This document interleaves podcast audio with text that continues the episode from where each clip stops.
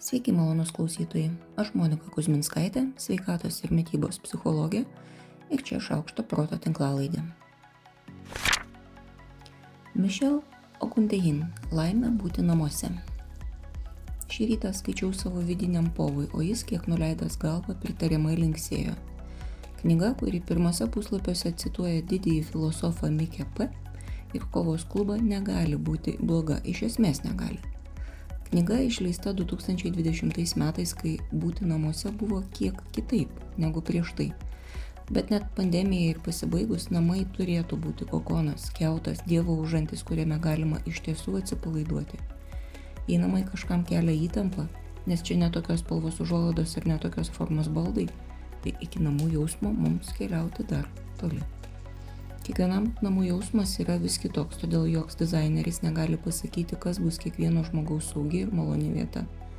Todėl ši knyga tikrai ne apie interjerą, nors yra ir tokių žinių, ir nemažai, bet apie tai, kaip išgirsti savo norus, kaip juos įgyvendinti ir svarbiausia, kaip sukurtą aplinką palaikyti.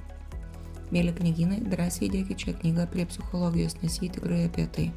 Jį galite pastatyti mažą tiltelį tarp interjero ir psichologijos knygų lentynų tada įkurdinkit ją ten prašau. Mišel Ogundehin - laimė būti namuose. Minčių perkramtimas. Taip, tai terminas, tik vertimas, sakykime, neakademiškas.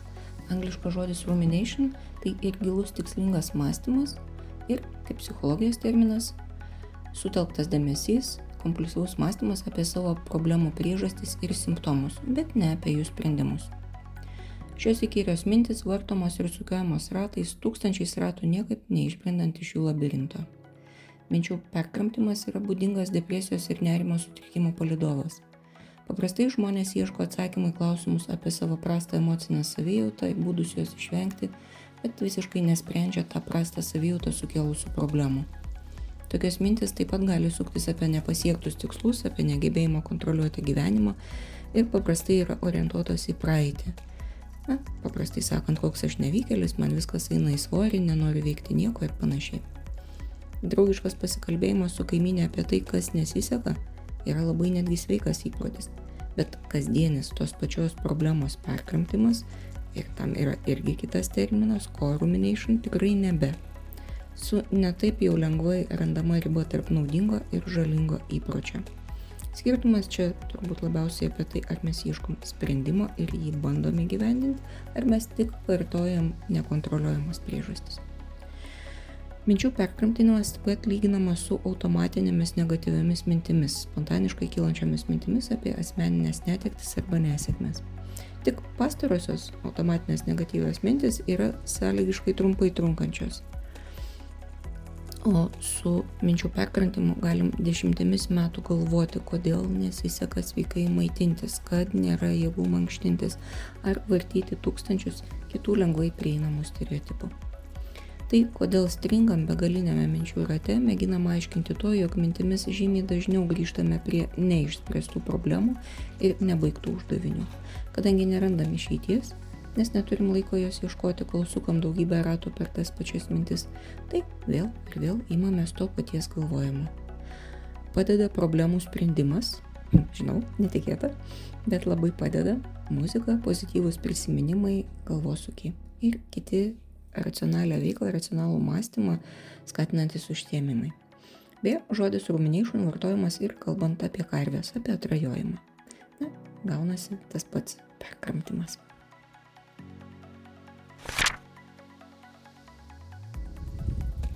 Mėgti maistą ir norėti maisto yra du skirtingi reiškiniai. Kartais jie veikia kartu, kartais atskirai. Mes mėgstam tokį maistą ne todėl, kad jis yra kaloringas ir ne todėl, kiek jis yra apdorotas. Nors tokios hipotezės yra labai populiarios. Manoma, kad smegenis mus skatina valgyti kuo kaloringesnį maistą arba labiau apdorotą, nes tokiu atveju reikia mažiau virškinti. Bet, pasirodo, tai nėra tikslu. Šiame tyrime nustatyta, kad mes mėgstame tokį maistą, kuriame yra subalansuotas iš angliavandenių ir riebalų gaunamas kalorijų kiekis ir tokį maistą, kuris turi intensyvesnį skonį. Čia aš jau visiškai nebesivaldau ir galvoju vien tik apie keptas bulves. Taip pat, dėja, mūsų smegenis renkasi, mes mėgstame tokį maistą, kuris turi mažiau lastelienos. Na, o čia jau sveika priežastie apie daržovių nemėgimą. Maisto norėjimas yra susijęs su prognozuojamu atlygio jausmu suvalgius maistą. Maisto mėgimas yra svarbus veiksnys konstruojant šį prognozuojamą maisto atlygį ir jame dalyvauja, tačiau nėra nei galutinis, nei lemiamas veiksnys. Kaip žmonės kalba apie sveiką mytybą. Čia rezultatai iš kokybinio tyrimo, kiti žmonės gal kalbėtų kitaip, bet tai nereiškia, kad tai yra netikslu ir neteisinga. Sveika mytyba, anot šio tyrimo dalyvių, sudaro žinojimas, kas yra geras ir blogas maistas, sudėtinių dalių prasme, taip pat savybių prasme. Nu, pavyzdžiui, geras yra šviežias arba ekologiškas. Maistas yra subalansuotas, tai yra subalansuotas svarbiausių maistinių medžiagų kiekis, subalansuotas sveiko ir nesveiko maisto kiekio atžvilgių arba subalansuota kontroliuojama valgymo rutina. Pats terminas žodis yra naudojamas keliomis reikšmėmis. Toliau kūną ir psichiką puoselėjanti mytyba, suteikianti reikalingas medžiagas, leidžianti kontroliuoti svorį, suteikianti energijos. Psichologinė gerovė gali būti pasiekiama ir nesijaudinant dėl nesveiko maisto pasiekmių ir atvirkščiai, valgant nesveikai, bet mėgaujantis gaunamą malonumą. Taigi vėl po vienu terminu slepiasi jau šiuo atveju dvi visiškai priešingos veiklos. Ir galiausiai tai yra aplinkai draugiška mytyba, efektyvi ir aplinkos neteršianti maisto gamybos grandinė. Taip pat tai tokia mytyba, kurią įmanoma palaikyti ilgą laiką - vegetarišką, augalinę ar veganišką. Naudojami keli skirtingi terminai, kurie iš principo reiškia tą patį. Čia jaučiu pareigą priminti, kad tai, ką sako žmonės, nėra rekomendacijos, bet tai yra labai įdomu. Tai nereiškia, kad jos yra neteisingos. Bet įdomu yra todėl, kad po to pačiu žodžiu gali slypėti labai įvairios reikšmės. O sveikos mytybos patarimus teikia mytybos specialistai. Ir nors dalyvių pasisakymuose yra ir labai teisingų teiginių, na, bet sugedusio telefono čia tikrai nereikia ir jeigu ieškot patarimų, kaip valgyti, vis tik reikėtų kreiptis į dietistą arba į dietologą. Vartau komunikacijos naudojant skaitmeninės technologijas. Apžvalgas, angliškas terminas yra Computer Mediated Communication arba net trumpinama iki CMC, e, nes čia kertasi dvi didelės mano interesų sritis - IT ir psichologija. Jau kalbėjom, kad skaitmeninis bendravimas yra tokia plonesnė bendravimo priemonė. Bendraudami gyvai mes gauname gerokai daugiau informacijos, net jeigu negalim tiksliai vardinti kokios ir kaip. Optimalus darbo grupės dydis bendraujant gyvai yra apie 7 žmonės, o bendraujant skaitmeniniu būdu apie 30. Vadinasi, gerokai daugiau. Vadinasi, galim priimti ir apdoroti informaciją iš gerokai didesnio kiekio žmonių, o tai jau reiškia, kad kiekvienas žmogus suteikia mažiau informacijos. Nes kažkokiu tai būdu, koks jis bebūtų, gyvas bendravimas iš vieno žmogaus mums duoda daugiau informacijos.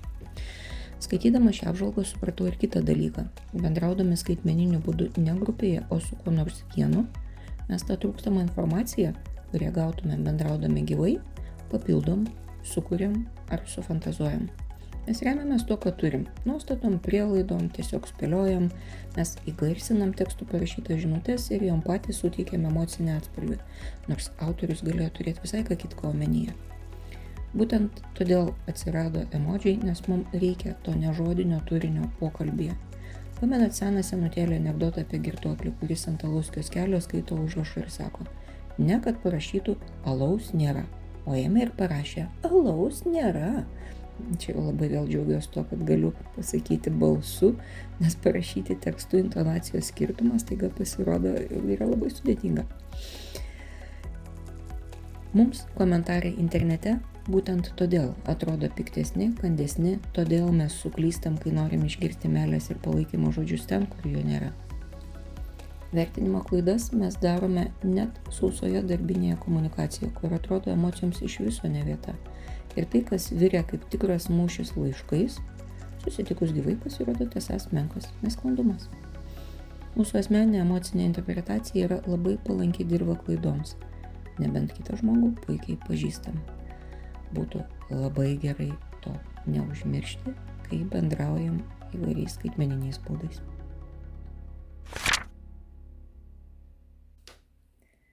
Varnai nuo varnos. Skaitėm ir skaitėm šventinę mamulėmų ir juokėmės ir gailėjom varnos. Dažniau dėl to, kad nesulaukusi atplėšė dovanas, bet kartais ir giliau. Dėl to, kad varna ir nesitikėjo iš nieko gauti dovanų. Nors knygutė žinoma baigėsi laimingai ir dovanų varna vis tik gavo. Tačiau varnai nuo varnos dovanų rūšys kažkaip užsiliko ir tapo maža mūsų tradicija. Primiktinai nerekomenduosiu, bet jeigu nesat bandę, labai siūlau išbandyti. Besirūpindami dovanomis visiems kitiems ir nerimaudami ar jie bus patenkinti, įsigykit dovaną ir savo.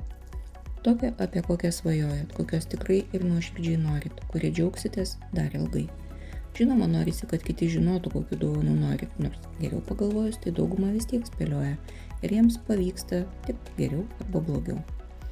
Žinoma, norisi, kad tą dalį pinigų galėtumėm ir skirti kitiems, nors geriau pagalvojus, tai tik todėl, kad tikimės kitus nudžiuginti ir taip prasmingai investuoti. Ar nudžiuginsim? Tas pats klausimas, kaip ir su tuo, ar kiti teisingai nuspės mūsų norus. Su dovana savo niekad neprašausit pro šalį. Be to, čia galima ir labai rimtų mokslinių veidų pridurti, jog tai stiprina gebėjimą pasirūpinti savimi, savivertę, saviveiksmingumą ir savigarbą bet kokioje situacijoje vis tiek turėsit save. O visos šios savybės kaip tik labai padės padėti savo tada, kai to labiausiai reikės. Ar tai yra savanaudiška? Taip. Bet pridėkit ranką prie širdies ir pasakykit, kad dovanoti dovanas savo yra blogai. Kas kitas jumis pasirūpins. Taip nebandant suspausti situacijos į tai tik savo ir te pirksim. Ne, taip nebus. Pirkim visiems, bet pirkim ir savo. Kaip jums tokia mintis? Tuo tarpu šventiniai linkėjimai nuo Varnos ir nuo Mamulio Smų.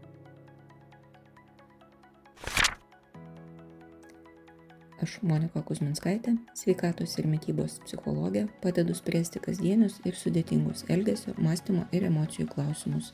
Rašau, skaitau paskaitas, teikiu psichologinės konsultacijas. Mane rasit socialiniuose tinkluose vardu Šaukštas Proto arba gyvai Vilniuje, Goštuto gatvėje.